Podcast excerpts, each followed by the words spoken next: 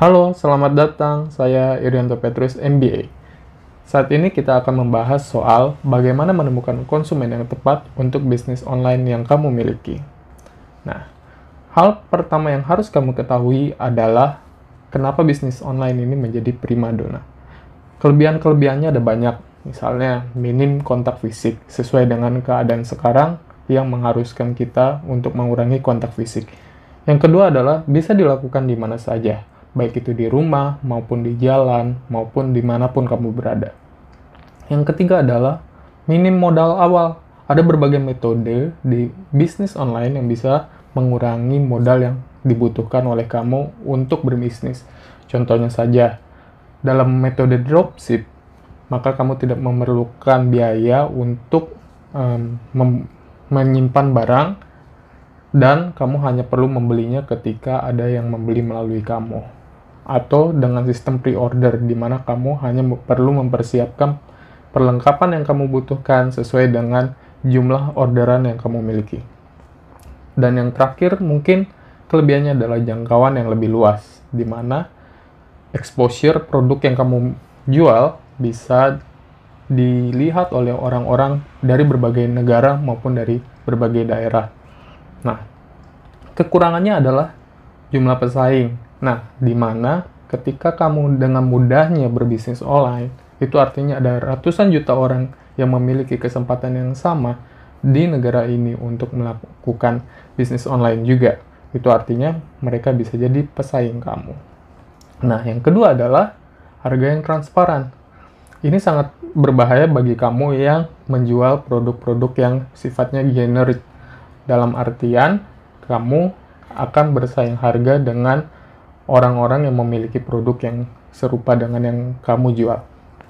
Yang ketiga, kekurangannya ya review yang transparan, di mana segala sus uh, susah payah yang kamu lakukan ketika ada review yang buruk satu atau dua buah akan sangat sulit bagi kamu untuk menebus dosa atau kesalahan yang kamu lakukan terhadap pelanggan tersebut. Nah, jadi, kalau kamu mendengar ada orang yang berkata bisnis online itu mudah, mungkin dia hanya melihat pada saat uh, bisnisnya sudah berjalan panjang, gitu. Dan ini juga menjadi hal yang menyebabkan banyak orang merasa kesulitan atau khawatir ketika akan memulai bisnis online. Dan pada akhirnya kecewa karena tidak sesuai dengan ekspektasi di awal. Nah, apa sih yang harusnya dilakukan PR-nya adalah kita harus memahami apa yang dibutuhkan oleh konsumen sebelum bahkan sebelum kamu berniat untuk menjualnya. Seperti apakah itu?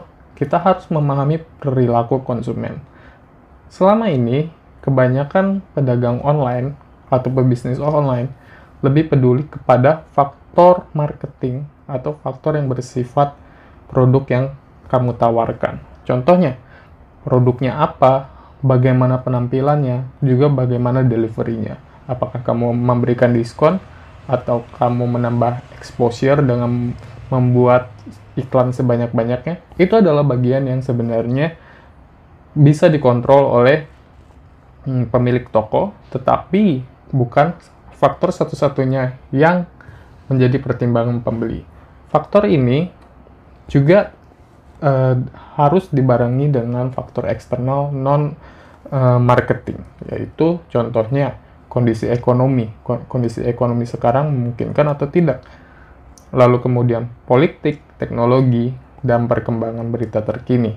Nah itu adalah salah satu faktor eksternal yang menentukan. Sedangkan secara internal mereka juga memiliki faktornya sendiri.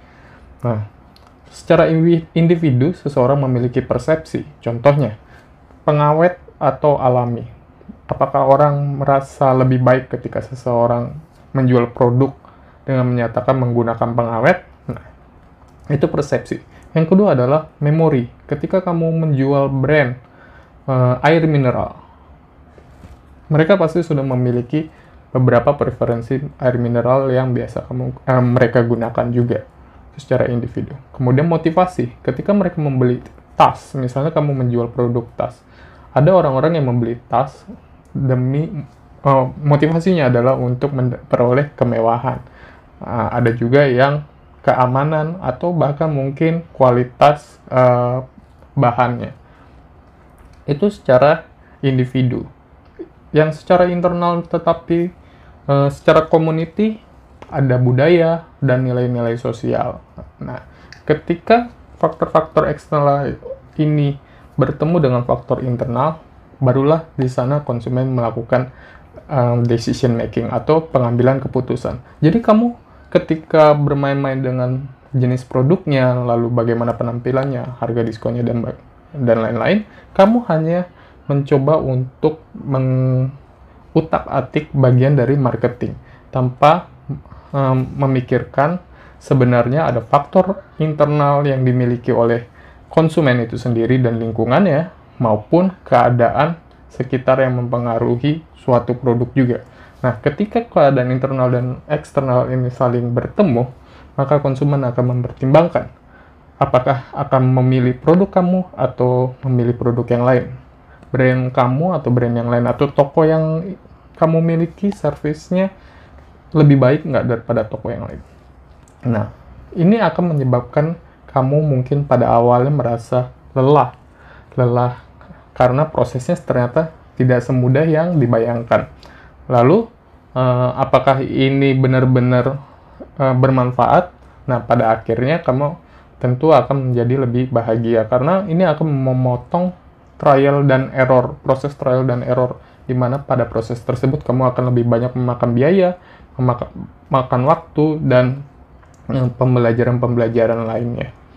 Nah, bisa itu karena biasa. Jadi kalau saya pribadi, saya mendukung kamu untuk memfollow Instagram at irianto.business at irianto.business di sana juga banyak eh, sharing-sharing mengenai tips dan trik uh, bisnis yang bisa kamu terapkan.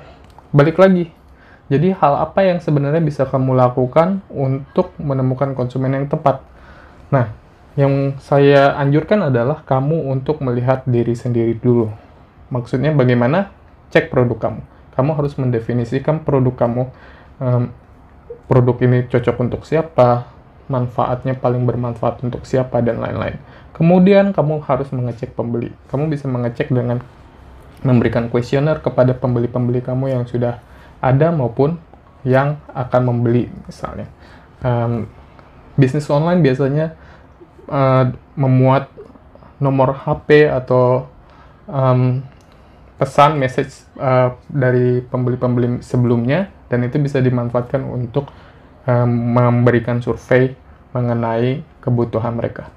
Kemudian adalah cek pesaing. Kamu harus tahu posisi kamu dibandingkan pesaing kamu. Apakah kamu sebenarnya dianggap lebih mahal tetapi service lebih buruk atau mungkin pesaing kamu dianggap lebih lengkap sedangkan kamu uh, hanya menjual satu produk tanpa keuntungan apa pun, kelebihan apa pun dibandingkan pesaing kamu. Nah, setelah kamu mengecek semua hal tersebut, maka kamu bisa atur ulang strategi. Atur ulangnya gimana?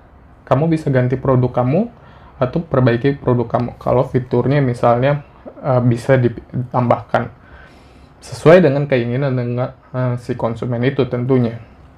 Lalu bisa juga ganti produk atau ganti lokasi. Nah, ini pilihannya. Kalau mau ganti lokasi, mungkin kamu bisa mendapatkan konsumen yang lebih cocok bagi uh, produk kamu. Karena setiap media sosial, setiap marketplace yang ada di internet memiliki karakteristik pembeli yang berbeda-beda. Lalu kemudian kamu bisa juga ganti metode iklannya. Nah, misalnya selama ini metode iklannya adalah dengan um, push push advertisement sedangkan sebenarnya produk kamu lebih cocok jika metode uh, iklannya adalah dengan menjelaskan fitur-fiturnya. Nah, lalu kamu juga bisa mengambil keputusan apakah kamu mau ganti produknya atau mau head to head dengan uh, pemain lain, toko lain yang sebenarnya memiliki kekuatan kurang lebih sama atau mungkin lebih besar daripada kamu. Itu menjadi keputusan yang besar. Nah, pertanyaannya adalah kadang-kadang itu orang merasa bahwa semuanya udah oke-oke aja, udah bagus aja, kenapa? Kenapa hasilnya sama aja gitu. Nah, kalau menurut saya itu biasanya akibat objektivitas. Maksudnya kamu tidak objektif dalam hal menilai performa. Uh, kamu dalam menilai uh, si konsumen kamu itu. Sebagai contoh, kamu ngerasa produknya baik-baik saja gitu. Dan setelah kamu tanya konsumen, kamu merasa jawaban mereka adalah baik-baik saja, padahal sebenarnya maksud mereka tidak seperti itu. Nah, dalam keadaan seperti ini, kamu membutuhkan orang-orang yang independen, orang-orang yang mem tidak memiliki kepentingan di sana untuk memberikan masukan kepada kamu. Nah, di sini di Instagram @irianto.business juga kamu juga bisa mulai tanya-tanya mengenai masalah-masalah bisnis yang kamu miliki, juga pada akhirnya memulai konsultasi dengan kami dan tim kami. Di sini kami ada beberapa orang dalam tim di mana kami yang memiliki latar belakang di bagian marketing, finance, dan human aspect. Nah, kurang lebih seperti itu sih. Jadi, untuk dapat informasi-informasi berikutnya, kamu bisa follow akun ini, bisa juga follow akun Instagram at irianto.business. Oke, cukup sekian uh, tunggu di podcast-podcast berikutnya. Dah.